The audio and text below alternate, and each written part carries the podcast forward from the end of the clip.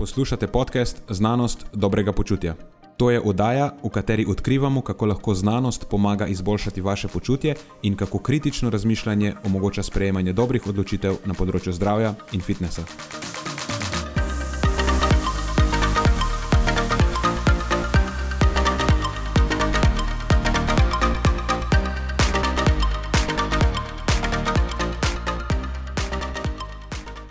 Pozdravljeni, z vami smo Nenad in moj sovoditelj Matjaš.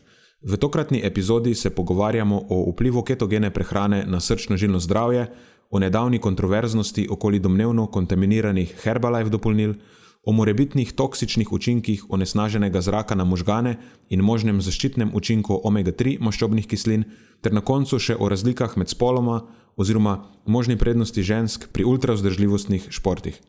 Čisto na koncu pa lahko slišite še najin pogled na trans osebe v športu in definicijo obeh bioloških spolov.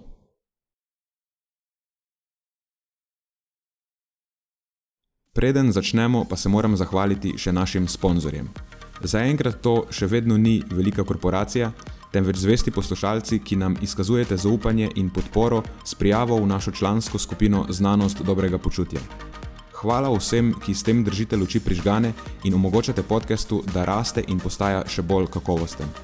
Hvala tudi vsem, ki nas podpirate s pozitivnimi komentarji in visokimi ocenami, ter s tem, da priporočate podcast svojim znancem in prijateljem. Zdaj pa je končno čas za začetek epizode. Uživajte ob poslušanju.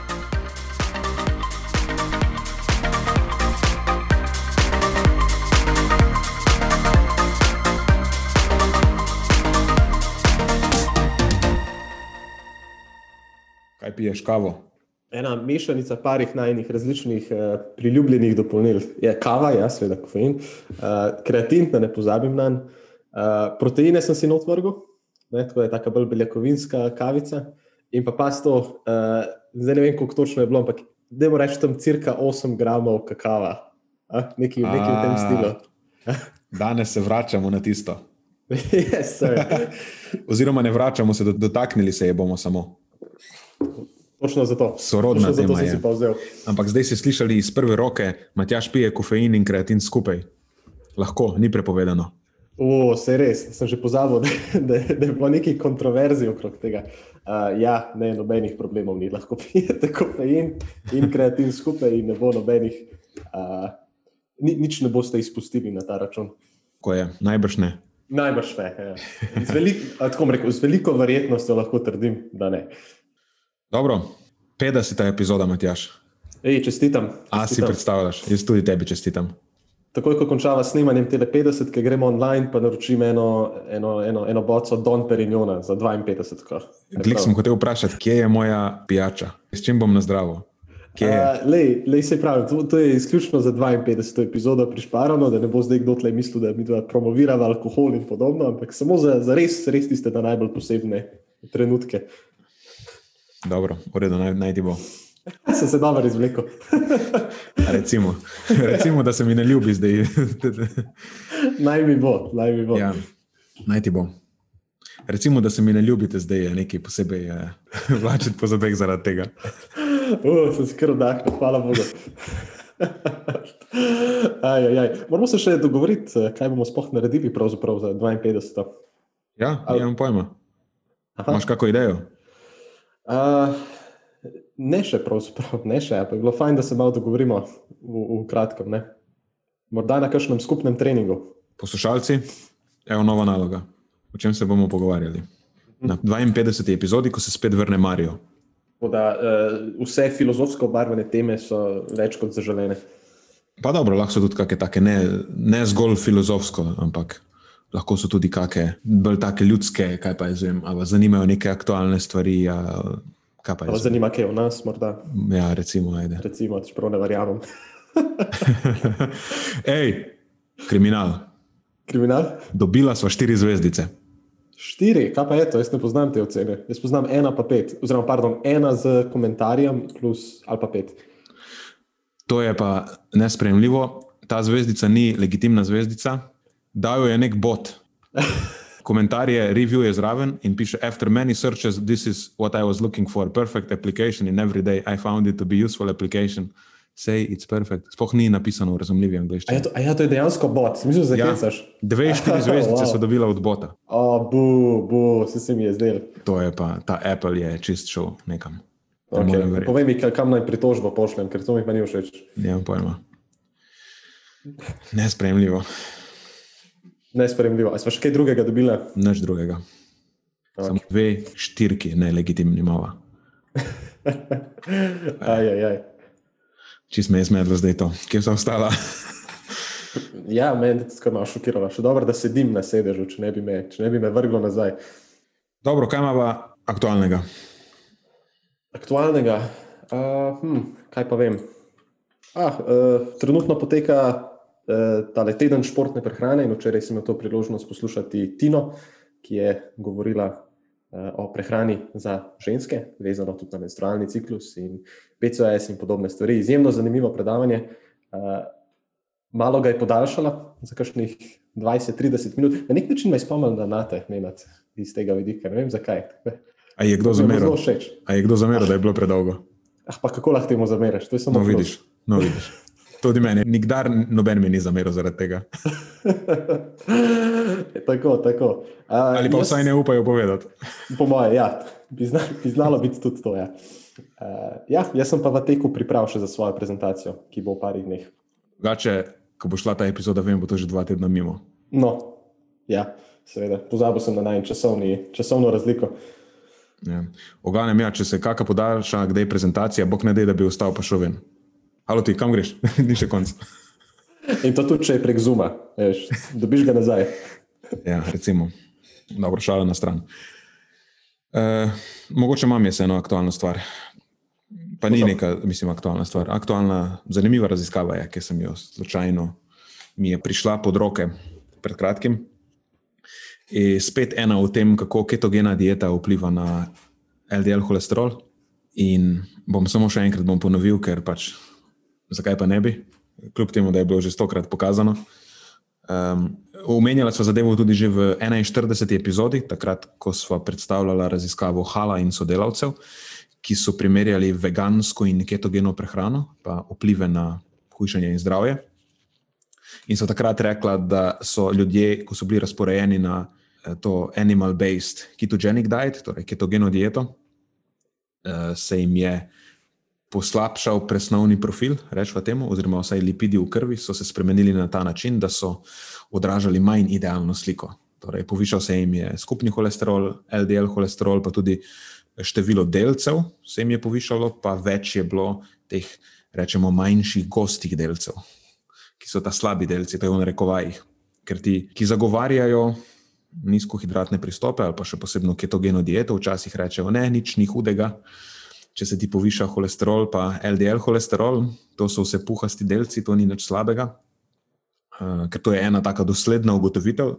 Predvsej ljudi nekako doživi ta odziv, ko se loti ketogene diete, sploh če je to neka verzija z višjim vnosom nasičenih maščob. In potem se to poskuša pomesti pod preprogo, češ ne, sej to so neki čudežni delci, ki niso aterogeni, dočim vemo, da so vsi LDL delci aterogeni, tudi oni ta puhasti. No, ampak zdaj že imamo tudi kar nekaj dokazov. Očitno na ketogeni dieti ne nastajajo puhasti delci, ampak nastajajo tudi gosti delci, oziroma se holesterol nabira v večjih uh, količinah tudi v teh majhnih gostih delcih, in zgleda se poveča tudi število delcev, ki je tista problematična stvar. Po domače povedano, več jih imaš, več se jih zatakne. V glavnem, v tej raziskavi so 24 žensk, zdravih, mladih, normalno težkih, za 4 tedne razporedili na ketogeno dieto in potem za 4 tedne še na priporočene smernice zdrave prehrane, temu rečemo. Ali pa obratno, bila je crossover raziskava, imeli so dve skupini, ene so bile prej eno, pa potem drugo, pa druge pa obratno. In kar se je zgodilo dosledno pri vseh je to, da dočim na teh normalnih, zdravih smernicah so stvari ostale bolj ali manj nespremenjene. Za čuda te zdrave smernice delujejo, ne? kljub temu, da se ljudje pritežujejo, da smo bolni pa predebeli zaradi tega, ker so naše smernice zdrave prehrane napačne, pa da una piramida ne drži. Dočim problem je v tem, da se noben te, ne da piramida ne drži, ampak noben se ne drži te piramide. To, to je problem. Dobro, se malo pretiravam, ni popolna ta piramida, ampak um, te neke take generalne smernice, če bi se jih ljudje držali, bi absolutno funkcionirale, samo problem je, da se nobeden teh priporočil ne drži. To je največji problem. No, v glavnem, da se vrnem na to raziskavo. Kaj so ugotovili? Da po teh štirih tednih ketogene diete se je ženskam povišal skupni holesterol v krvi, povišal se jim je holesterol v majhnih gostih delcih, in pa tudi ena zadeva, ki jo rečemo A po B, je bila višja. To čist po domače pomeni, da se je najbrž povišalo tudi število aterogenih delcev. Če potegnemo črto, vse kaže, da je ketogena dieta, sploh ko je formulirana tako, da je velik delež maščob, ki tako predstavljajo ne, pretežen delež energije v tej prehrani, ko prihaja iz nasičenih maščob, da je to very bad za srčno življenje zdravje. Uh mhm. -huh. Ja, sem, eh, sem videl, kako te je to danes ponovno uh, razjezilo. Je razjezilo, jaz sem bil kar storijo. Jaz sem bil kar vesel, mislim, nisem bil vesel, ampak tako, cheerful sem bil. Mene te stvari ne razjesijo, ampak me zabavajo. Ja, mogoče bi bil to res bolj pravilen izraz v tem konkretnem primeru. Pa hvala, ker si uporabil spet enega izmed svojih najljubših izrazov, uh, puhasti delci. Vem, da, vem, da ti je ja, to zelo pri srcu. Ja, itak to je sploh. To me vedno razveseli, ko slišim, kako uporabiti. To je okay, torej, zelo strokoven izraz. Ja, izjemno, izjemno. Pol kot je puhasto, nam očitno tudi ne pomaga. Uh, super, mi je všeč, da si ti otvoril ta bolj razburkan del voda tega podcasta. Zdaj pa lahko še jaz zaplujem v mogoče še malo bolj razburkane vode. Izvoliš. Uh, lahko le. In sicer po prebiranju enega intervjuja na examen.com, to je sicer ena spletna stran, ki se ukvarja z kaj bolj kot ne tako predstavitvijo različnih prehranskih dopolnil in pa znanstvenega ozadja za njihovo uporabo. No, tukaj konkretno je bila vezana na eno raziskavo, ki je bila objavljena leta 2018 strani dr. Sirijak Abby Philipsa in sodelavcev, naslovljena uh, Slimming to the Death, Herbalife associated, associated Fatal Acute Liver Failure, Heavy Metals, Toxic Compounds, Bacterial Contaminants and Psychotropic Agents in Products Sold in India. Uh, Um, ja, kar, kar dolg naslov, kar zahteven naslov. ja, tako smo vajeni. Tako smo vajeni. Ja. No, Indija je namreč v zadnjih letih postala eden izmed najhitreje raztočih tržišč za Herbalife produkte. In konkretno v tej raziskavi so objavili en case study, ene mlade, 24 let stare ženske, ki je umrla zaradi akutne odpovedi jeter po uživanju treh Herbalife produktov v obdobju dveh mesecev. In v bistvu, kar so naredili v tej raziskavi, so objavili popolno kemijsko analizo, toksikologijo in pa mikrobno kontaminacijo teh treh produktov, kupljenih na isti točki, kjer jih je ta gospa kupila, kakor tudi na uh, nekaterih drugih uh, mestih, oziroma prek online, preko različnih regij Indije. In ta raziskava je potem, seveda, dvignila veliko prahu, in dr. Philips in njegova ekipa je imela ogromno težav na tem naslovu, vse, kar je ta raziskava v bistvu bila objavljena. Tako da ne bom šel preveč podrobnosti, bistveno je to, da so morali uh, upravičevati svojo raziskavo na različnih naslovih, čeprav se je šlo v osnovi za, uh, za peer-reviewed raziskavo. Ampak v končni fazi so jo potem letos tudi umaknili iz znanstvene revije, kjer je bila v osnovi objavljena, in po besedah dr. Philipsa, brez nekih konkretnih razlogov oziroma protiargumentov, zakaj. Uh, seveda, jaz ne morem tle ničesar trditi z gotovostjo, ampak sumi se, seveda, da so bili v igri neki veliki pritiski in pa pravne tožbe iz različnih koncev. Tako da, predvsej taka zanimiva situacija. Če si želite prebrati podrobneje na to temo, kot sem že omenil, na examen.com najdete celoten intervju, konkretno s tem dr. Philipsom. To sem ti poslal prej, ne, da ne zdaj ne vem. Jaz, jaz sem dobil občutek, da ta dr. Philips, da se ne gre kar za enega loleka, ampak da je nekdo, ki na svojem področju jedrnih bolezni oziroma hepatologije na splošno, da ima kar precej nekih priznanj. Um, in sem dobil en tak občutek, da, da, da, dobil v bistvu, da je dobil ogromno nekih težav na tem naslovu. Ne. Ampak v osnovi bolj kot ne zato, ker je želel posvariti publiko pred slepim kupovanjem takih izdelkov. Pa seveda Herbalife tukaj zagotovo ni edini taki prodajalec, da ne bom samo njih izpostavljal, ampak pač v tej konkretni situaciji so bili njihovi produkti v igri in ti produkti so bili morda povezani s smrtjo nekoga. Torej, ni neke zajbancije. Ne. Mhm. -huh. Drugač na Retraction Watch je tudi kar lep zapis narejen o tem. Mhm. Da je stvari so malo tako sumljive, no? Milo rečeno. Milo rečeno. Je, je pa dobro, zdaj moramo paziti, kaj govoriva. Mi dva nimamo sredstev, da bi se lahko borila proti Herbalife, če ne je to že. Točno to, sem že pomislil na to. Ja. Uh, bom rekel tako, da nekateri veliki prodajalci, uh, kako se temu reče, mrežni marketing, uh -huh. ne, nimam nobenega konkretno v mislih, ampak določeni veliki uh, te mrežni marketing prodajalci raznih izdelkov, niso to nujno prehranska dopolnila, so znani po tem, da so v preteklosti izvajali uh, pritisk na različne medije in uh, razne organizacije, ki objavljajo takšna in drugačna poročila ali pa članke. Ko se je karkoli slabega o njih objavilo, so jih pač tožili. In ker so to velika podjetja ali pa celo korporacije, ki imajo več sredstev kot neka povprečna, ne vem, taka organizacija, se pač eh, ponavadi si prisiljen si predati ta boj, če nimaš sredstev, da bi ga fajtal. Uh mhm. -huh. Ja, uh, ja, res je. Sej, sej pravim, tudi jaz zdaj ne kažem s prstom na nikogar, samo bila je tako dokaj odmevna zadeva, ki pa ne vem, če je prišla bolj kot ne do nas. Oziroma, nisem slišal, da bi kdo govoril pri nas o tem, pa se mi je zdelo vredno izpostave. Uh, še nekaj, na kar sem potem pomislil pri biranju na to temo, je čist, čisto ločeno od teh izdelkov. Uh, je to, da je morda kako pomembno je kupovati, recimo, za kakšne vrhunske športnike, izdelke iz nekih testiranih linij, uh, in da bi to morda bila tudi smiselna praksa tudi za generalno populacijo. Ja. Me zanima, koliko je to specifično vezano na Indijo. Kakšni so tam standardi za te zadeve? Ker če si velika korporacija, ki prodaja po celem svetu, potem delaš, veš, ne, ne proizvajaš vsega na eni točki, ampak najbrž specifično, mislim, ne najbrž, ampak zato se tako dela. Za določene regije in gled, tudi glede na to, kakšni so standardi v neki regiji, lahko vsekaš eh, kako bližnico, zato mm. da prihraniš ne, na kakih stroških in imaš večjo maršo in tako dalje. Ja, good point. Tako da pri nas mogoče vseeno so mogoče višji standardi, kaj pa jaz vem. Vse lahko da imajo v Indiji zelo tesne standarde, nimam pojma. Ja, tudi meni je uh, živilska praksa v Indiji ni, ni tako dobro znana, da bi lahko komentiral njej. Je pa res, da tudi pri nas na tem področju niso visoki standardi. Tako da, ko govorimo o prehranskih dopolnilih, je vsekakor fino poskrbeti za to, da so uh, iz nekega kakovostnega vira, oziroma da je neka znamka, ki ji zaupamo, to je vsaj nek najmanjši minimum, oziroma ne najmanjši minimum. Kakšen je pa drug minimum, ki je malo večji od najmanjšega? Najmanjši minimum, imaš srednji minimum. uh, ja, ne, minimum je minimum. Uh,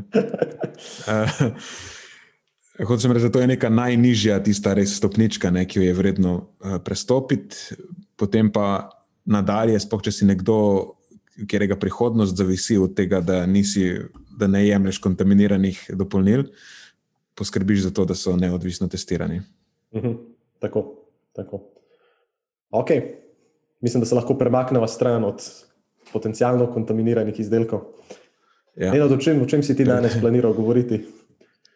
Jaz imam danes eno izmed mojih ljubših tem, oziroma dve, celo sem se odločil združiti v eno. Uh -huh. So omega-3 in zdravje možganov.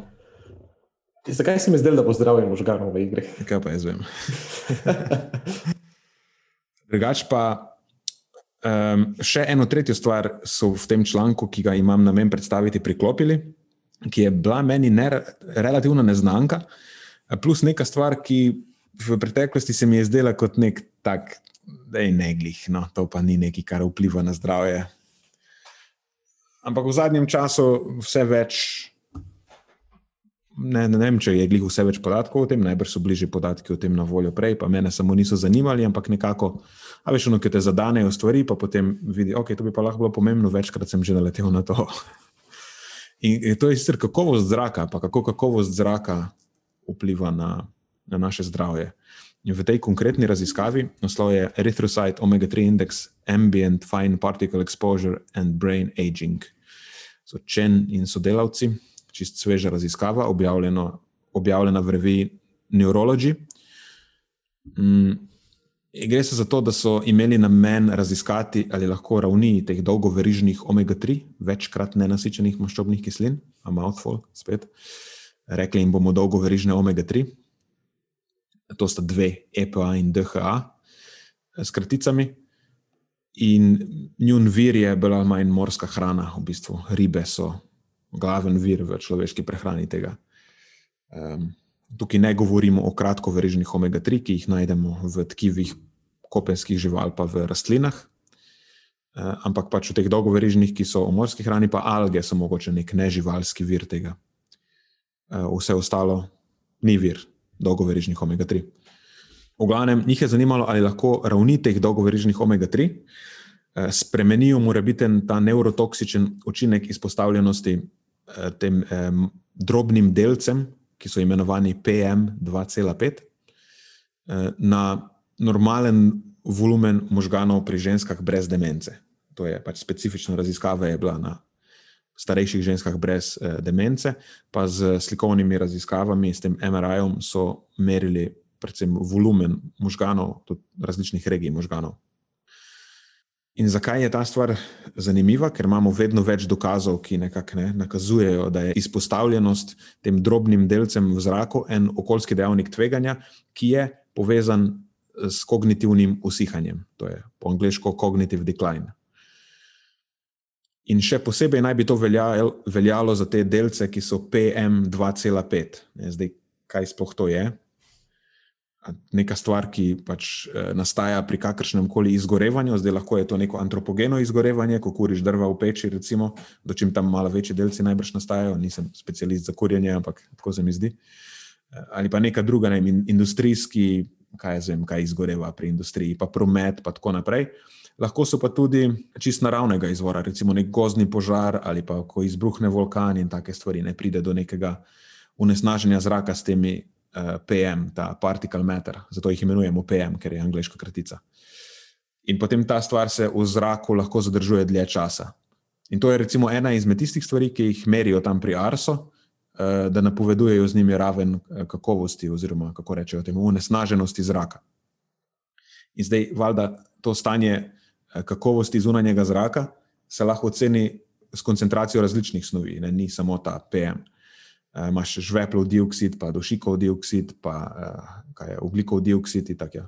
pa ozon, organske spojine in tako naprej. Uh, so pa potem še te PM delci, ki so produkt nekega izgorevanja, in imaš PM10 in PM2,5, ki so nekako relevantni, ali pa se mi zdi, ki jih je moč, mogoče zmeriti. Uh, nekje sem zasledil, da se omenjajo še PM1, ampak ne vem, če to kdo pri nas beleži. Niti v tej raziskavi ni bilo omenjeno. Ta raziskava se je osredotočila samo na PM2,5, ker imaš te PM10, to so grobi delci, temu rečejo, ki imajo aerodinamičen premer med 10 in 2,5 mikrometra. In potem imaš te PM2,5, ki so pa drobni delci z aerodinamičnim premerom ne, od 2,5 do 1 mikrometra. In zdaj, če si to predstavljaš, kako zelo majhno je to, to je zelo drobno. Primer človeškega glasu je 70 mikrometrov. Ne? Máš pa ta majhen, droben delec, ki je tako 2,5 do 1. To je izjemno majhno. In manjši kot je ta delec, globje lahko prodre v, v telo. Recimo, imaš te delce, ki so nad 10 mikrometrov, to so te, ki so večji, še večji od PM10, oni se ustavijo v zgornjih dihalih, recimo, že ne, nos jih pobere, pa pol, ki izpihaš ven, je to tisto črno, recimo, ki izpih, izpihaš, če bi bil v nekem ognju zelo dolgo časa. In potem imaš te PM10, ki lahko že prodrejo globije vključene, to so te, ki so manj, manjši od 10 eh, mikrometrov. In potem zelo drobni delci, ki so recimo 2,5, to so pa te PM2,5, pa lahko prodrejo tudi v pljučne mešičke, in še manjši, tam nekje okoli ena, kar še tudi spada v to kategorijo, pa lahko mogoče zaidejo tudi ne vem, recimo obtok ali pa še globje. Ne, in je pokazano, da so povezani z negativnim učinkom na osrednje živčevje, eh, tudi na srčno-žilno zdravje, mislim, da pa na reproduktivno zdravje. Da vplivajo recimo globalno negativno. In kot že rečeno, ne, imamo neke predhodne raziskave, ki potem dejansko kažejo, da je izpostavljenost višji koncentraciji teh PM2,5 v zraku uh, povezana z zmanjšanim volumnom možganov. In to že pri kognitivno normalnih ljudeh, ne? oziroma to so cognitively intact, po angliško se temu reče, torej oni, ki so še celi v glavi. Eh, in govorimo o starostnikih. Ne? Mm, torej, nekako lahko na podlagi tega sklepamo, da je znižena kakovost zraka dejavnik tveganja za neke neugodne izide na področju zdravja možganov, recimo, vsaj to. Ali pa tudi na področju srčno-žilnega zdravja, če drži tisto zgoraj. Ne. No, imamo pa po drugi strani potem dokaze, da so te dolgoverižne omega-3, eh, ki so pomembne komponente sinaptičnih membran, recimo, pa da imajo neko uh, ključno vlogo pri vzdrževanju strukture in funkcije možganov med staranjem, in tako naprej. Ne, za njih rečemo, da so neurozaščitne oziroma neuroprotektivne, pomeni, da lahko pomagajo zaščititi možgane, pa živčevje pred nekimi zunanjimi dejavniki, oziroma dejavniki tveganja, ki bi lahko bili povezani ali pa celo povzročili neko neurodegeneracijo ali pa kognitivni upad, kognitivno usihanje in tako naprej. In uh, se poznamo več mehanizmov, ne, preko katerih so više ravni teh dolgoverižnih omega-3 povezane. Uh, imamo z večjim skupnim volumnom možganov, ne, povezane so tudi z višjim volumnom sive možganovine, uh, imamo višji volumen hipokampusa, večjo integriteto bele možganovine. Recimo, uh, to je tista stvar, s katero smo se ukvarjali v 36. epizodi, se mi zdi, ker smo ugotovili, da je krvni tlak dejavnik tveganja povezan z integriteto bele možganovine. In to je mogoče ena zanimiva stvar. Če vemo, da te delci vplivajo negativno na kardiovaskularno zdravje, ali bi to lahko bil nek mehanizem ne? preko ne vem, krvnega tlaka ali pa um, poslabšane te vaskularne funkcije, kaj pa jaz vem. Um, no, tam so, smo ugotovili, da je v bistvu povišan krvni tlak na dolgi rok, potem povezan z slabšo integriteto te bele možganovine. Torej, pač po domače povedano, z slabšim stanjem tega.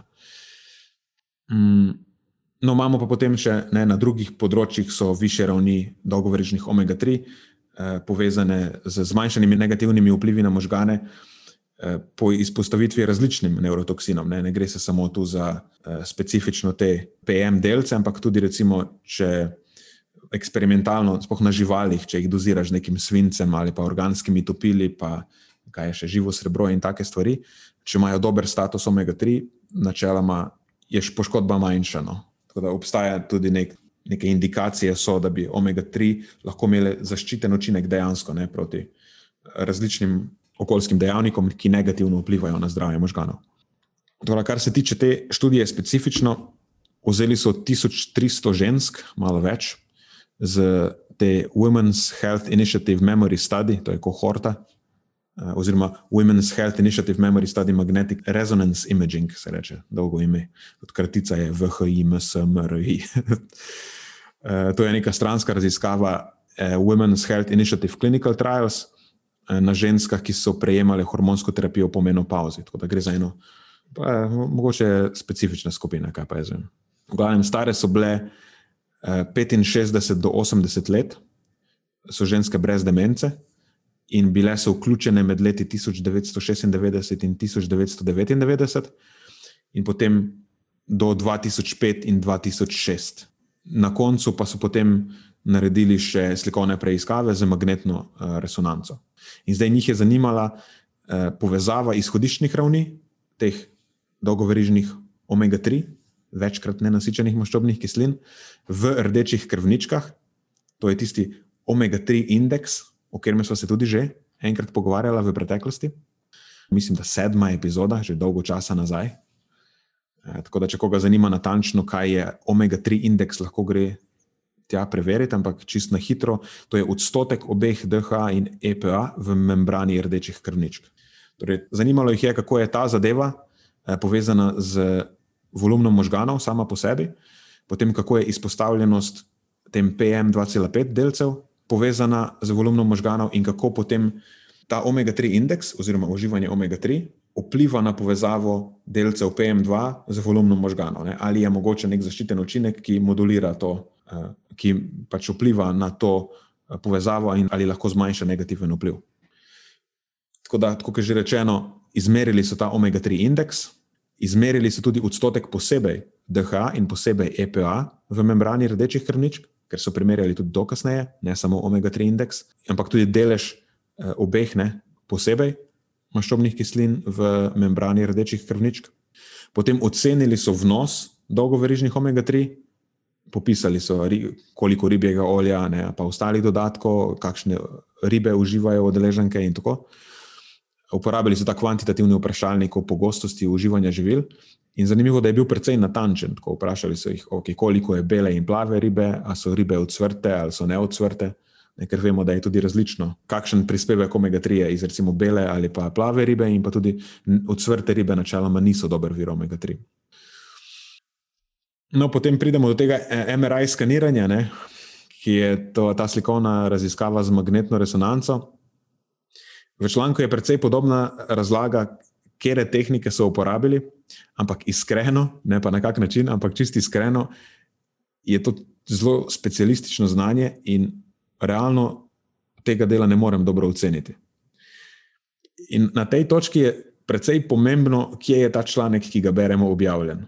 Zdaj, če bi bil ta članek objavljen v neki reviji od eh, MDPI, ki so, ki so jo že vlačila po zobeh toliko krat, ne, bi lahko bil do zaključka bolj skeptičen, kot sem recimo zdaj, ko je zadeva objavljena v specialistični reviji, ki se je reče Neurology, ki je recimo neka malo pa ta boljša revija na področju, kako bo temu rekla, neuroznanosti ali pa neurologije. Recimo. Ne, in tukaj zdaj pričakuješ, da je bil ta del, ki se dotika slikovnih raziskav možganov, relativno dobro pregledan, ne, ker je pač to revija, ki, je, ki se specialistično osredotoča na to področje. In lahko temu zaupaš, kljub temu, da ne veš, v bistvu, kaj bereš. Eh, v tej reviji bi lahko bil, recimo, prehranski del bolj problematičen. In recimo, da imamo mi dva kompetence, da dobro preverjamo prehranski del, in potem se zanašava na specialnost revije, da je nekdo drug dobro pregledal ta del slikovnih raziskav in ne, lahko rečemo, ok, v redu, tukaj je, recimo, da je peer review upravil svoje delo in lahko tem, tej stvari zdaj zaupamo. Kaj, če smo čisti iskreni, malo, je, malo gremo na slepo. Tako da to je, kar se tiče slikovnih raziskav, realno ne morem reči, kaj vse so uporabili, pa kakšne metode so, uh, so dobre ali so slabe, ne, ali res ocenjujejo to, kar so napisali, nimam pojma. No, in potem še ena zanimiva stvar je bila pa, kako so ocenili a so bili ljudje, oziroma so bile udeleženke izpostavljene tem drobnim delcem. Ker zdaj, veš, kje, kje živiš, recimo, to je pomembno, ali si se preselil vmes, kako dolgo to je, vsem so jih spremljali tako deset let skoraj. Mogoče se, se je kdo vmes preselil, ali pa celo večkrat preselil. Dejansko so ustvarili en tak, temu so rekli, spatio-temporalni model, ne, po domače povedano, prostorsko-časovni model, ki je ocenil potem eh, triletno povprečje izpostavljenosti tem PM 2,5 delcev. Eh, torej, ne, vzeli so v obzir, kje je ženska živela, koliko časa, in potem veš, celo obdobje, od, mislim, da od 99. leta naprej imajo podatke, koliko je bilo teh delcev v zraku, ker se od takrat to očitno dosledno meri. In so točno spremljali njen vem, začasen, pa stalen naslov, ki je živela, in so ustvarili kumulativen model, ki je potem na koncu dal ven neko številko, kakšno je breme te izpostavljenosti pri, pri tej ženski, eh, z obzirom na to, da se je mogoče vmes preselila in tako naprej. Ker dejansko osebnosti teh delcev mislim, da ne znamo direktno zmeriti, da bi rekel, ok, ti jih imaš toliko v telesu. Sploh pa najbrž je ne mogoče oceniti, kakšno je to kumulativno breme skozi nekaj let. Ne, tudi če se mogoče da to izmeriti direktno, vprašanje je, okay, kaj pa je bilo pred petimi leti, ne? ker to se ne zgodi zato, ker zdaj imaš neko število delcev v telesu, ampak najbrž, ker si imel skozi veliko število let toliko ne, breme je kumulativno, ki se nabira skozi čas. Tako kot pri večini stvari, ki vplivajo na zdravje. Tudi prej, ki smo se pogovarjali o holesterolu, ne, Mislim, ne boš umrl zato, ker imaš danes malo višji holesterol, kot si ga imel včeraj, ampak se ti bo zgodilo nekaj, nek negativen izid, zato ker imaš že deset let previsok holesterol. Okay. Kar je, hvala Bogu, tudi za te, Nenad, ker vem, da si imel dokaj visok holesterol v tistem, tisti eksperimentalni fazi. Ja, jaz sem šel skozi eno eksperimentalno fazo uh, keto diete, kjer sem imel, ne vem, če obstaja svetovni rekord o tem, kako visok holesterol imaš. Mislim, če bi obstajal, bi bil, bi bil ti kar pri vrhu. Ja, bi bil kar kontender, po mojem. Ja. In potem veš, kaj rečejo. Ja, ja, se to se bo, v, veš, moraš se prilagoditi, se moraš, pa se bo popravilo. Ne, ne, ne brez skrbi, po pol leta se ne popravi. Čakaj, Nina, moram te vprašati, koliko časa si bil na tej dieti? Pa nekaj pol, nekega pol leta. Ah, to je en teden premalo. En teden premalo, ne? Ja. to, je, to je ta klasična. vedno, ko so kakšni negativni učinki pokazani v raziskavi o, o ketogeni dieti, potem je ta raziskava vedno traja en, vsaj en teden premalo, da še ni prišlo do adaptacije. Tako blizu si bil adaptaciji, ne da res tako blizu. Ja, ne veš, lahko lah sta bila še dva tedna, se ne veš, koliko je manjkalo, ampak očitno vsaj en teden. Ne? Vsaj en teden, ja. ja. No, je pa zanimivo, da pri tisti raziskavi Gardnerja in sodelavcev Diet Fits, tam so bili ljudje eno leto na nizkohidratni prehrani in so imeli kljub temu še visok holesterol. Da, očitno nisem bil tako blizu. No? Mislim, formula za adaptacijo je N plus vsaj en teden. Torej, ja. N je pa čas, kjer si vstal na keto. Dieti. Neskončnost. Tudi če si neskončno časa na keto dieti, vsaj en teden moraš še biti, da pride do adaptacije. ok, dobro, zdaj smo že okay. malo. Ja, ja, so že, že malo pretiravali, se pravi. Že malo pretiravali. No? Ampak dobro, recimo, da smo si kupila eh, malo, kako se temu reče, linijenci, ker prej smo malo po Herbalifeu tokla. Tako da mogoče zdaj na ta račun nam lahko low carb množica oprosti. Uh, ja, ne vem, če to tako deluje, ampak uh, probimo, ne? računamo na to. Bomo videli. No. uh, kaj sem pozabil še povedati? V glavnem, še ena stvar, ki je, pa se tako vemo, nadzorovali so za vrsto motečih dejavnikov. Ne? Kakšen je socioekonomski status, pridobljena izobrazba, dejavniki življenjskega sloga, ne? telesna dejavnost, prehrana zgodovina bolezni, eh, vem, razne klinične lastnosti, telesna masa, krvni sladkor, holesterol, krvni tlak. Tako naprej. Tudi duševno zdravje, recimo, ne, so imeli depresijo v preteklosti ali trenutno, njihovo starost, raso, pa eh, na koncu tudi status hormonske terapije so vzeli v zakupne, ker je šlo očitno za posebno populacijo. Eh, torej, udeleženke iz raziskave o hormonski terapiji po menopauzi. Tudi to so upoštevali, ker bi lahko bil očitno moteči dejavnik. In zdaj smo končno pri rezultatih. Kaj so pokazali rezultati? Ne, ne presenetljivo za najo, oziroma za vse tiste, ki so poslušali epizodo o omega-3 indeksu, so imele udeleženke z višjim omega-3 indeksom tudi višji vnos skupnih omega-3, višji vnos EPA, višji vnos DHA in pa višji vnos neodsvrtih rib. Kar nekako pomeni, ne, da več rib kot poješ, ve, višji omega-3 indeks imaš, oziroma več dolgovrežnih omega-3 kot poješ, tudi če jemliš prehransko dopolnila, to velja, višji omega-3 indeks imaš. In na nek način to validira omega-3 indeks, vsaj kot marker um, uživanja rib, oziroma tega, kako uživanje rib vpliva na, na status omega-3 v telesu, ker spet načeloma verjamemo, da vsebnost omega-3 maščobnih kislin v rdečih krvničkah dobro odraža tudi vsebnost omega-3 maščobnih kislin v ostalih tkivih. Ampak to valjda ne pove nič o vplivih na možgane. Uh, udeleženke v najvišji kvartili omega-3 indeksa, to, to je torej tista četrtina udeleženk, oziroma tistih 25 odstotkov udeleženk, ki so imele eh, najvišji omega-3 indeks, je imela tudi najvišji volumen bele možganovine v povprečju. In tudi regionalno so imele eh, višji volumen bele možganovine v čelnem režnju, temenskem režnju, senčnem režnju, pa kaloznem korpusu. Eh, to je ena struktura, pač, ki povezuje obe možganski hemisferi. In potem te udeleženke z višjim omega-3 indeksom so imele tudi eh, večji volumen hipokampusa. Mimo grede, hipokampus, super pomembna možganska struktura del limbičnega sistema. Zdaj ne bi tukaj izgubljali preveč časa s tem, kaj to je. Lahko imamo to lekcijo iz neuroanatomije, kdaj drugič, ampak zapomnimo si, atrofiran hipokampus je precej slaba stvar in dober status omega-3 bi morda lahko to zadevo preprečil.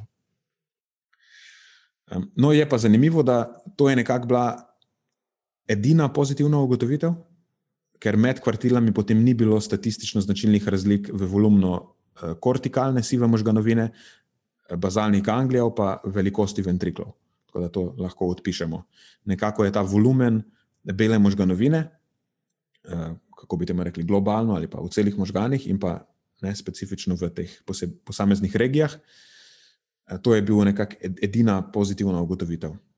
Je pa tako, da so podobno ugotovili tudi, ko so primerjali višjo vsebnost EPA posamezno, pa višjo vsebnost DHA posamezno v membranah eritrocit. No, in potem imamo še te delce PM, PM2,5.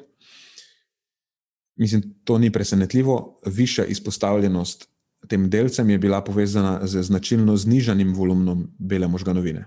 Eh, ni pa bila povezana z znižanim volumnom kortikalne sive možganovine ali pa hipokampusa. Tukaj pa zdaj govorimo samo znižan volumen bele možganovine. Eh, tako da, ko se pogovarjamo o tem nekem neurotoksičnem učinku teh drobnih delcev, morda lahko rečemo, da je, gre predvsem za negativen vpliv na ne, volumen bele možganovine. No, zdaj pa pridemo končno, ko združimo te zadeve skupaj, ne, omega-3 in PM2,5.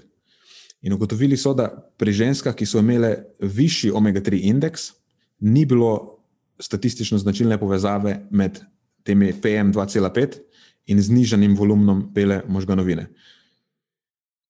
Zgleda, kot da sploh ni bilo pomembno, kakšna je bila unesnaženost zraka, dokler imaš visok omega-3 indeks. In podobne ugotovitve so našli tudi za deleža EPA posamezno, pa DH posamezno. In dejansko potem v sekundarni analizi so preverili tudi uh, povezave z vnosom dolgoverižnih omega-3, pa z uživanjem neodsvrtih rib. In spet so ugotovili podobno. Udeleženke, ki so imele višji vnos dolgoverižnih omega-3, uh, to je bilo tako na kvartilo, se je poveč, povečeval povprečje za 100, za 104,25 mg na dan. Ne pomeni, da je najnižja kvartila, torej 25 odeleženk. 25 odstotkov udeleženk z najnižjim vnosom je uživalo v povprečju 104,25 mg na dan, in potem v nas najvišjim, pa recimo slabih pol grama na dan omega-3. In so ugotovili, da te udeleženke z višjim vnosom so imele višji volumen bele možganovine. Več kot jih zaužiješ po kvartilah, pač večji je bil volumen v povprečju. In podobno je bilo z višjim vnosom neodsvrtih rib, s tem, da je tukaj naraščalo po nič cela štiri porcije na dan. Torej, najvišja kvartila je zaužila nekje koliko to pride, recimo več kot pol porcije ribe na dan, torej eno porcijo rib na vsaka dva dni. In spet je bila zadeva povezana z večjim volumnom bele možganovine. Tako da spet kaže, da ali uživanje omega-3, nekje recimo pol grama na dan, vsaj, oziroma ne vsaj, ampak v tej raziskavi je pač bila to optimalna zaščita, ne? ker višjega poprečja niso imeli. Ali pa nekako tam do pol porcije ribe na dan, oziroma eno porcijo na dva dni, um, pokaže zaščiten učinek proti tem delcem v zraku. Tako da to je v bistvu nekako zaključek, ne, da imaš višji omega-3 indeks, višji vnos skupnih dolgoverižnih omega-3, višji vnos EPA, višji vnos DHA, pa višji vnos neodsvrtih rib, umili to povezavo med drobnimi delci PM2,5 pa znižanim volumnom bele možganovine. Kar je dost, meni se zdi dosti zanimiva ugotovitev. Mislim, priznam v prvi vrsti, da, tudi, eh, da sem sam v preteklosti pogosto zamahnil roko ob tej temi, eh, torej ob onesnaženju zraka. Se mi pač ni zdelo tako pomembno na prvi uč. Seveda sem se zelo motil, ampak skoraj neverjetno se mi zdi, kako lahko tako situacijo do določene mere dejansko obvladujemo s prehrano. Za mene se zdi to absolutno noro. Ja. In zdaj se sprašujem, kaj je ali lahko dejansko ima zadeva tudi nek nezaščiten učinek proti vsem ostalim okoljskim onesnaževalcem, ki vemo, da lahko vplivajo na zdravje možganov. Tako da še ena kljubca za omega-3. Ja. Me, všeč mi je, kako se ta eh, paradigma koristi omega-3 širi in širi. Mislim, da smo začeli tako čisto na začetku, bolj kot ne z nekimi eh, povezavami na naslovu srčno-žilnega zdravja, zdaj smo pa že čisto na nekem drugem koncu spektra iz nekega protektivnega učinka proti onesnaževalcem zraka. Uh -huh. uh, moram reči, da me zadeva na nek način malo spominja na kreatin.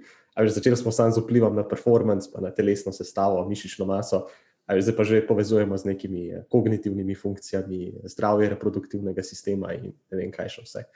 Ja. ja. In zaenkrat meni se vsaj zdi, da se bo zadeva izkazala kot bistveno bolj pomembna za zdravje živčevja in možganov, kot recimo za srčno-žilno zdravje. Uh mhm. -huh. Tam recimo, so bolj vplivne druge poli, nenasi, večkrat nenasičene maščobne kisline. Ne? Omega-6 je neka stvar, ki jo lahko v večjih količinah lažje zaužiješ. Kot, uh, mislim, ribjega olja niti ne bi priporočal nekomu preveč uživati. Uh mhm, -huh. Res je. Um, Sicer pa ne morem verjeti, da si ponovno omenil MTPI, članek v tej, oziroma revijo v tem podkastu. To mora biti nek rekord, že ne. Prej, veš kaj, prej smo se, preden smo, smo začeli snemati, oziroma danes zjutraj, že, ko sem objavil ta story na Instagramu o tej novi eh, raziskavi o, o ketogeni dieti in vplivih na lipide v krvi. Ne. Mimo grede nisem spohomenil prej, to so Buren in sodelavci, eh, v Nutrients je objavljena, naslov je pa Ketogenic Low Carbohydrate High Fat Diet Increases LDL cholesterol in healthy young normal weight women, a randomized controlled feeding trial. Tako da, mouthful, spet, ampak tega smo vajeni. In mi tim napiše v komentar, oziroma v direktno sporočilo, ampak to je v MDPI objavljeno? Brez čas, ampak to je že avtomatsko diskvalificirano, sitek se je šalil. Samo, potem sem mu nazaj napisal, okay, kako se reče uh, obratni različici zmote, iz, oziroma argumenta iz uh, avtoritete, ne, ki je tista znana logična zmota, oziroma neracionalni argument. Ne. Mislim, samo zato, ker je nekdo doktor znanosti, še ne pomeni, da vse, kar pride iz njegovih ust, drži. In enako je tudi tukaj, ne, kljub temu, da vse pride iz uh, šide, uh, te, kako se reče, ustanove, še ne pomeni, da je za nič. Je pa res, da je potrebno malo manevrirati med tem, kaj, kaj bereš. Uh, Eh, pa kako to vrednotiš. Je imel pa en zelo dober point, ker veš po eni strani. Če je objavljena raziskava, ki ti je všeč, potem jo prebereš precej manj selektivno. Če najdeš raziskavo, ki so z nekimi zaključki, ki ti niso glih všeč, pa lahko zamahneš z roko in rečeš, da je to itak objavljeno v neki reviji izpod MDPI. Eh, ampak brez skrbi, na srečo ni tako, večkrat so že predstavljala raziskave iz te revije, pa tudi so omenila, da so bolj ali manj za noč. In so se potem dotikala nekih stvari okoli te raziskave, niso se ukvarjala konkretno s to raziskavo. Eh, ker realno sem bral že take članke, ki so mi bili všeč, pa mi je bilo na koncu sram priznati, spok, da sem jih prebral do konca, ker so bili res za noč. In teh pač, lej, rečeš. Sicer mi je všeč, kaj ste ugotovili, ampak starimo je to je za nič. Moram priznati, da je to kar tako dobra, eh, dobra miselna naloga prebirati take stvari. Ja, po eni in, strani je. Ja, ja, ja taka dobra, um, dober trening kritičnega razmišljanja. Uh, in ja, seveda, če je kdo še večji fan MDPI-ja kot mi dva, ne, je to zagotovo Tim Podlogar. uh, ok, odlično. Potem pa, evo, če smo že pri Tim Podlogarju in uh, in eh, vadbeni fiziologiji. To je neko področje, oziroma tema, s katero se jaz danes ukvarjam, je bolj kot ne njegovo področje. Ne? In sicer gre se za en pregled literature Tillerja in sodelavcev, naslovljen Do Sex Differences in Physiology Confirm a Female Advantage in Ultra Endurance Sport. Oziroma, v nekem takem grobem prevodu, ali fiziološke razlike med spoloma nudijo prednost ženskam pred moškimi v ultravzdržljivostnih preizkušnjah. In seveda razlog, zakaj ta zadeva eh, dvignila nekaj prahu, je zato, ker nakazuje v tej smeri, da bi ženske kmalo znale premagati moške v primeru ultravzdržljivostnih preizkušenj. Pa da smo si na jasnem, ta segment ni naravnan z nobeno mero spolne diskriminacije, v smislu, da ženske zmorete manj, daleč od tega res. Ampak tako čisto iz neke fiziološke perspektive je pa zelo malo športov, kjer so ženske absolutno gledano boljše, zato ker smo si bistveno drugačni v stroji. Moški imajo načeloma više ravni anabolnih hormonov, večji delež mišične mase, manjši delež maščobne mase. In seveda, ko je govora o nekem najvišjem tekmovalnem nivoju, vse te stvari nosijo neko prednost. Tako da, disclaimer na stran, za katerega sploh ne vem, če sem ga rabil dati ali ne, ampak nima veze. Uh, skratka, ultravzdržljivostne preizkušnje so uh, neka taka oblika vadbe, kjer bi ženske znale biti, oziroma uh, v prihodnosti znale postati boljše od moških v, čist, v absolutnem smislu. Ne. Kaj ti razlike v tekmovalnih časih pri, naprimer, maratonu, kot enem takem tipičnem primeru vzdržljivostnih preizkušenj, je približno 10 odstotkov. V primeru ultramaratonov, skratka maratonov daljših od 42 km, potem ta zadeva postane nekoliko manjša in sicer na neke 4 odstotke pade. In pa v primeru tistih um, ekstremno dolgih tekov, katere raziskovalci v tem pregledu literature um, definirajo kot vsako preizkušnjo daljšo od šestih ur, pa postane ta razlika že praktično zanemarljiva. Tako da nekako kaže v tej smeri, da daljša kot je preizkušnja, manjša bo razlika v zmogljivosti med moškimi in ženskami. In pa mimo grede, to ni zdaj neka nova tema na tem področju, čeprav je ta pregled literature šel letos. Um, ampak v bistvu nekaj, s čimer se vadbena fiziologija ukvarja že praktično 30 let, kajti začetki te tematike izvirajo že iz ene raziskave leta 1992, objavljene strani uh, raziskovalcev Whip in Ward v Nature, raziskovalni reviji, ki pa je bila naslovljena Will Women Soon Outrun Men. In tam so v bistvu analizirali svetovne rekorde v daljših tekih v začetku 20. stoletja.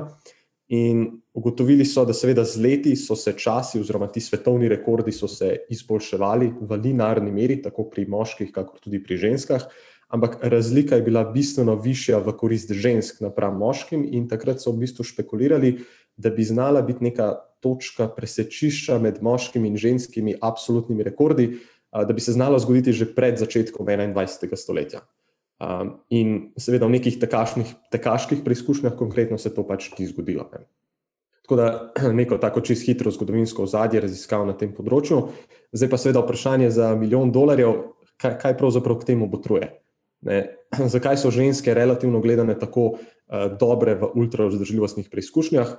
In predvidevamo, vse te stvari so zelo hipotetične narave, uh, so, so to, da so ti faktori sledeči. Ne. Prvo kot prvo je to, da imajo ženske uh, proporcionalno gledano uh, večji delež mišičnih vlaken tipa 1, torej teh podnarekovajih počasnejših oksidativnih vlaken, ki so koristnih uh, ravno pri takem tipu športne aktivnosti. In seveda, če imajo ženske večji delež mišičnih vlaken tipa 1, pa imajo moški, generalno gledano, proporcionalno nekoliko večji delež mišičnih vlaken tipa 2, oziroma teh podnarekovajih hitrih vlaken, eh, ki sicer niso ravno najbolj koristna stvar, ko je govora specifično o ultravzdržljivostnih preizkušnjah. Eh, seveda pa to naredi veliko razliko v kakšnih drugih športih, ki imajo recimo podarjeno komponento moči, hitrosti in eksplozivnosti, in tam so ponovadi razlike tudi um, procentualno gledano najviše ne, med moškimi in ženskami. Uh, Potem je naslednja stvar je to, da so uh, ženske v manjši meri boljše v kurjenju maščobe, boljši uh, fat burneri, tako čisto domače povedano, uh, oziroma drugače rečeno, nekoliko večji delež energije prihaja na račun maščob kot substrata za pridobivanje energije, kot pa oglikovih hidratov, ko jih primerjamo z moškimi. In ta razlika je praktično gledano, po mojem mnenju, popolnoma zanemrljiva, uh, ko se pogovarjamo o nekih takih normalnih pogojih. Uh, Ampak morda, če to zadevo zdaj prenesemo v neko izjemno dolgo časa trajajočo vadbeno okolje, ki lahko traja tudi krepko preko 24 ur v nekaterih primerih, eh, in to niže stopnje intenzivnosti, kjer maščobe pridejo malo bolj do izraza, potem se ta stvar morda lahko akumulira. Spet špekuliramo. Ne? In če smo že pri tem razmerju med porabljenimi substrati, med vadbo, bi lahko naredili tudi hipotezo, da če ženske res pridobivajo energijo v nekoliko večji meri iz maščob, bi to pomenilo, da načeloma tudi počasneje porabljajo telesne zaloge glikogena. In spet te razlike so po vsej vrednosti izjemno minimalne, a, ampak morda predstavljajo nek košček sestavljanke, ko to stvar prenesemo v neke zelo ultravzdržljivostne preizkušnje. In potem je tukaj še en tak potencijalen mehanizem na naslovu boljšega vzdrževanja tempa teka strani žensk.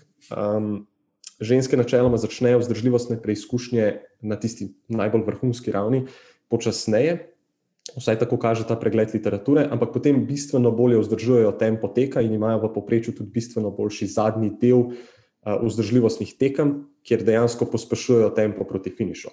No, za moške pa načeloma velja ravno obratno in razlog za to je lahko uh, potencialno boljša, pod narekovaji, odpornost proti utrujenosti, ki morda izhaja iz tistih razlogov, o katerih sem že govoril v prejšnjih točkah, morda je v igri tudi nek psihološki dejavnik, spet ne vemo točno, ne, samo, uh, samo špekuliramo lahko na tej točki. Uh, tako da, kakorkoli že, več kot očitno imamo na tem naslovu še veliko nekih odprtih vprašanj. Uh, nekatere pre, prej predstavljene, predvsem te fiziološke hipoteze, se vsaj meni slišijo na prvi uč dokaj smotrne, ampak ničesar ne moramo trditi z gotovostjo ta trenutek, še posebej, če poštevamo dejstvo, da nimamo nekih um, nimamo veliko raziskav na tem področju, in pa da je tudi večji delež raziskav narejen na moških, oziroma imamo relativno majhen delež raziskav, ki bi direktno primerjali moške in ženske, kot ta trenutek. In mogoče nek epilog na tej točki um, kaže, da najhitrejše ženske v takih tipih športne aktivnosti. vseeno ne bodo prehitele najhitrejših moških, zato ker kljub vsem naštetim fiziološkim prednostim strani žensk, imajo moški še vedno druge prednosti, nekatere sem že omenjal. Ena je seveda v kontekstu bistveno višjega nivoja testosterona, ki vemo, kako zelo pomemben je za, za šport kot tak. Um, potem tudi manjšega deleža maščobne mase, večjega deleža puste, funkcionalne mase in posledično tudi boljšega razmerja med telesno maso in proizvodnjo moči. Načeloma imajo tudi višjo aerobno kapaciteto in najbrž vse te stvari potem odtehtajo vse tiste preostale prednosti žensk, ali pa jih odtehtajo vsaj v zadostni meri, da jih v ženske v končni fazi ne prehitijo. Ne. Um, tako da to je pravzaprav to, kar se tiče mojega segmenta in pa hashtag girl power, kaj ne rečem. Ta zadnja stvar, oziroma predzadnja stvar, ki si jo povedal, um, je ena dobra lekcija iz tega, kako ni dobro dlako cepiti, pa pozabiti na veliko sliko. Ne, ker kljub temu, da obstajajo neko področje, kjer je določena prednost, potem obstaja še kupenih drugih dejavnikov, pa, ki lahko to prednost zlaka izničijo, ne, kot vse to, kar se nešteje zdaj. Uh mhm. -huh. Ja, točno to. Točno to. In, ja, ravno, morda je ravno to dovolj, da jih izničijo do tiste mere, da potem ni v končni fazi razlik. Ja. Ali pa da kljub temu še ostane razlika ali pa prednost v enaki smeri. Ne. Ampak, lej, če bi bil jaz eh, ženska, ki posluša ta podcast, bi si zapomnil eno stvar in sicer, da ste ženske v še eni stvari boljši kot moški, to je, da ste boljši fat burgeri. Meni se to zdi ful dobro, ne vem, ne vem, kaj ti praviš, mi rad. Ja, pa je samo ker rad moje hidrate. ja, več kot očitno, da si že pokazal to. Eh, nekaj sem hotel še reči. Aha, vprašati sem te hotel, ali kako ti si bolj na tekočem s tem, ker vem, da tvoj oče je zelo upleten v te vode ultra vzdržljivosti. Kako so pa trenutno rezultati? Prvič, ali tekmujejo moški in ženske skupaj, oziroma eh, po istih progah, recimo, da je ta stvar lahko eh, primerljiva na neko relativno objektiven način. In eh, kakšni so dejansko rezultati trenutno, koliko, kdo, je, kdo zmaguje dosledno in kakšne so razlike, recimo, med spoloma. Mhm. Zanimivo, da si me točno to vprašal, ker ravno z očetom sem se pogovarjal na to temo, ker se mi je pač zdelo zelo zanimivo. In moram ga pohvaliti na njegovem stanju, ker izstrelil je kakšne številke, tako le iz prve, brez da bi karkoli pogledal. Za začetek sem začel najmen pogovor, tako če slučajno ve, kakšne so sploh razlike ne, v, v absolutnih časih, najprej pri maratonu, je rekel tako 10 odstotkov kar malo, veš, brez razmišljanja. Potem sem ga malo vprašal, če se kakšne te druge vzdržljivostne, ultra vzdržljivostne preizkušnje uh, in mi je tudi znal izstreliti kakšne točke. Uh, zdaj, stvari v bistvu, tako kot jih je on omenjal, uh, so take, da res pri teh ultra vzdržljivostnih tekih, katerih je on občasno deležen, torej pogovarjamo se zdaj o tekih, ki so dolgi 100-150 km ali več se zelo pogosto celo zgodi, da ženske premagajo moške. ne boš verjel. Uh, moraš mogoče samo poštevati na tej točki, da so to vseeno uh, rekreativci, uh, kako se jim reče, profesionalni rekreativci, kot se jaz zdaj pošalim. Ampak uh, tudi takrat, ko pa primerjamo neke vrhunske tekače, so tiste razlike pri, pri uh, top 3, ne, so, so iz, izjemno majhne in, in bistveno manjše, kot v primeru kakšnih maratonov. Um, tako da nekako sopada s tem, kar sem v bistvu govoril prej v, v vodu, in sicer, da daljša kot je preizkušnja, očitno manjša je razlika med obema spoloma v absolutnih rezultatih. Zakaj pa misliš, da je razlika med tistimi na najvišjem nivoju in med, recimo, pri rekreativcih, da zmagujejo tudi ženske, dočim pri, na najvišjem nivoju ne? Ja, zelo dobro vprašanje, ki pa mogoče se navezuje še kakšnih drugih elementov. Um, zdaj, veš, ko, ko greš na kakšne take um, ne ravno najbolj vrhunske tekme, ne, uh, bo, bofe, kakšno populacijo ti dobiš. Ne, razumeš, tam lahko dobiš od ljudi, ki uh, ne vem, trenirajo tako kot moj oče, veš, uh, imajo sicer zelo, zelo radi take športne aktivnosti, ampak v končni fazi se ne ukvarjajo s tem profesionalno. In, ja, to uh, najbrž velja tudi za ženski del populacije. Potem. Ja, ja, se pravim. Ampak težko bi v bistvu v končni fazi rekel. Mislim, jaz, jaz predvidevam, da je to čisto odvisno od nekega vzorca tekmovalcev, ki jih slučajno dobiš na tisto tekmo. Torej, to je vse mogoče- tako zelo nišna stvar. Veš. Mogoče je tako, da ženske imajo neko inherentno prednost, ki pride do izraza, ko ljudje niso trenirani. In potem, ko pa posvetijo čas treningu, pa potem lahko se izboljšajo tisti dejavniki, ki se dejansko lahko izboljšajo, uh, in pri katerih imajo moški potem prednost in nekako prevesijo te inherentne prednosti, ki jih imajo ženske. Mogoče, ja, ne vem, morda. morda. To je zelo hipotetično. Esej, mislim, da je celoten moj segment bi bil lahko označen kot izjemno hipotetične narave. Uh, ampak ja, Fascinantno, meni je to strašno fascinantne, so mi te razlike med spoloma. Na vseh področjih, ne samo na športu, v športnem. ja, eh, tudi meni, moram reči, zato sem pa hotel tudi vključiti tak eh, segment. Se Zanimivo. mi je zdel tak zabaven. Čeprav ne Ja. moramo v končni fazi nič pametnega povleči, pa ni z tega roko na srce, ampak uh, vsekakor je pa zanimivo spremljati te razlike, pa malo uh, se pogovarjati okrog njih. Absolutno. Jaz mislim, da je to odlična stvar, te razlike. To bi bil, bi bil precej bolj dolgočasen, če jih ne bi bilo. Uh, in uh, moram reči, da sem izjemno odklonilen do vseh teh novodobnih, kaj, kako se jim reče, woke, pa ki zdaj kao ni Aha. razlik med spoloma, pa vse je družbeni konstrukt, pa temi bedarijami. Uh -huh. To mi kar, kot si ne, se mi postavijo po konci, ko jih slišim. Gre za zanikanje biologije, v bistvu, ne, po domače povedano, v službi A. neke čudne ideologije. Ja, ja, se strinjam. Uh, in pa zadnjič sem spremljal v bistvu tisti, uh, to, je pa- to je pa sk- skrajni del tega zanemarjanja naše biologije.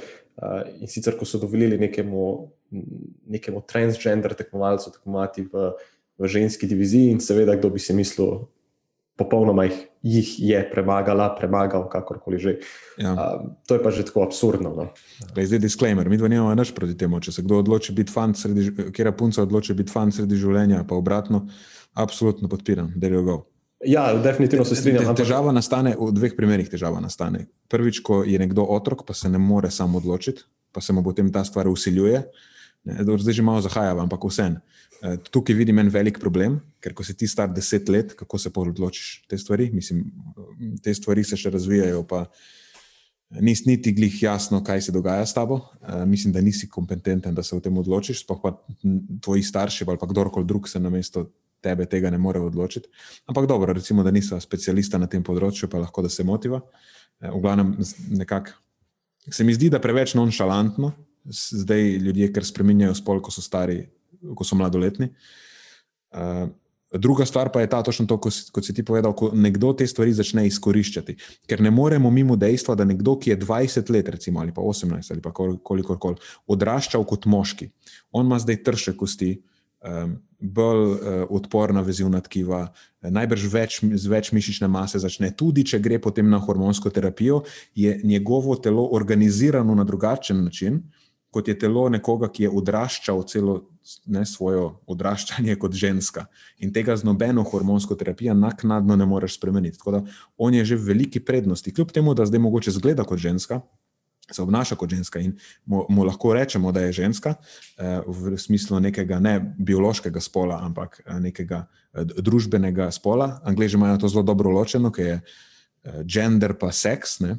In je pač gender je nek družbeni konstrukt, eh, seks je pa pač biološko spol, poznamo samo dva, takšna je pač realnost.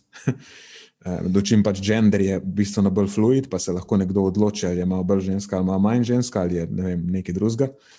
Eh, S tem nimam absolutno nobenega problema, ampak biološka resnica je pa taka, da si eno ali pa drugo. Eh, In potem vmes pride do nekih napak, ampak še zmeraj si samo eno ali pa drugo. Uh, lahko mogoče o biologiji spolov se lahko kdaj drugič pogovarjamo, ampak zgodba, ločnica v biologiji je zelo, samo vprašanje je, kje gamete si, la, si kdaj proizvajal, ali imaš sposobnost proizvajati, ali jih lahko, lahko v prihodnosti proizvajaš, ali eh, kakorkoli. In če so to majhne, premične gamete, ki jim rečemo spermiji, pa si moški, če so pa velike, pa kako se reče, sesilne, pač unike ne grejo nikamor, pol si pa ženska, ne? to so pač pol jajčesa. Uh, in to je to. Zdaj, če pride do nekega defekta v tem, še zmeraj si ti moški, če imaš sposobnost proizvajati samo majhne, pa premične gamete. Tako da to je vsa zgodba, kar se tiče biološkega spola. Tuk, to je zelo nekontroverzna stvar. Tukaj je samo ena ali pa dva. Uh, Dočim ja, pač družbeni, ne, v družbi se lahko obnašamo malo bolj moško, malo manj moško, malo bolj žensko, malo manj žensko. Uh, ampak še zmeraj, ko pa govorimo o športih, spoh v športih, kjer je tveganje visoko, recimo, zamišljaj si borilne veščine. Jaz mislim, da tam pač ni pardon, ali tam se, se moramo vprašati, kakšen je tvoj biološki spol. Ker se je že zgodilo v preteklosti, ko so dopustili nekemu transportniku, eh, ki je bil prej moški, da tekmuje v ženski, eh, kako se reče, diviziji. diviziji. Ja, da so bile posledice katastrofalne. Oziroma, una ženska, ki je bila zdaj ženska, prej pa moški, je brutalno nokautirala uno uh, žensko, ki je bila skozi ženska, in je bilo samo slabo. Mislim, to, to so zdaj posledice, ki lahko to žensko zaznamujejo za celo življenje, oziroma lahko ji uničijo kariero in kakorkoli. Pač meni se to ne zdi pošteno, no. zdaj pa mi prebite na križ, če me hočete. Uh, ja, definitivno, borilni športi. Uh še posebej, kar še en MMA, bolj kot je brutalno, uh, ne bi se smeli igrati s takimi stvarmi. No? Tako, čist. Uh, lej, super si povzel, v bistvu nimam, nimam kaj za pripomniti na tej točki. Skozi mora biti en rent, ne? Ne moremo več zaključiti brez tega. Začneva z njim, končava z njim. To nakazuje začetek in konec epizode. To je tako lažji prehod. Sam to je bila pa zdaj res kontroverzna tema. Če pa zdaj ne dobim ene zvezdice, pa se predam. Pol pa ne bom več nikoli, evo, zdaj pa zadnjič. Pazi to, ne, v enem delu smo obdelali kontaminirane izdelke, uh, keto smo se dotaknili, uh, trans uh, smo se dotaknili. To je najbolj kontroverzna epizoda Ever. Absolutno. Če tukaj ne dobiš česa, to je to. Drugače pa sem še za konec, da smo si na jasnem. Jaz sem klasičen liberalec, jaz podpiram vse vaše želje, kakršne koli imate. Jaz sem najmanj judge oseba na svetu. Uh, tako da uh, nisem noben nestrpneš ali karkoli, sem, uh, ko pa pridemo do dejstev po biologiji, pa, pa, pa sem uh, nepremičen. Tukaj pa ne popuščam. Uh, ampak, lej, whatever rocks your boat. A je to konc? Mislim, da je to konc, ne. Razen če imaš še kakšen rent za nas pripravljen. Ne, ne, v redu je. Bomo zaključili na tej točki. Ja. Okay. Potem se ti pa zahvaljujem za še eno izjemno zanimivo epizodo. Eh, res sem se naučil nekaj novega danes, tole o omega-3 je bilo naravnost fascinantno. Da, hvala tebi, Nina, in seveda hvala poslušalcem, da se slišimo naslednjič. Tako je, Matjaš, tudi jaz sem se zabaval, strašno zabavna in zanimiva epizoda. Razsvetlil si me v še enem aspektu razlik med moškimi in ženskami. Tako da, ja, poslušalci, hvala za poslušanje in se slišimo prihodnjič. To je za tokrat vse iz naše strani. Hvala, ker ste poslušali do konca. Delite epizodo s svojimi znanci in prijatelji in jo priporočajte dalje, saj s tem omogočite, da sporočilo znanost dobrega počutja doseže čim večjo množico. Hvala vsem, ki nas podpirate s članarino in tudi vsem ostalim, ki delite podcast dalje in nam izkazujete naklonjenost z visokimi ocenami in pozitivnimi komentarji. Se slišimo prihodnjič, do takrat pa ostanite premišljeni.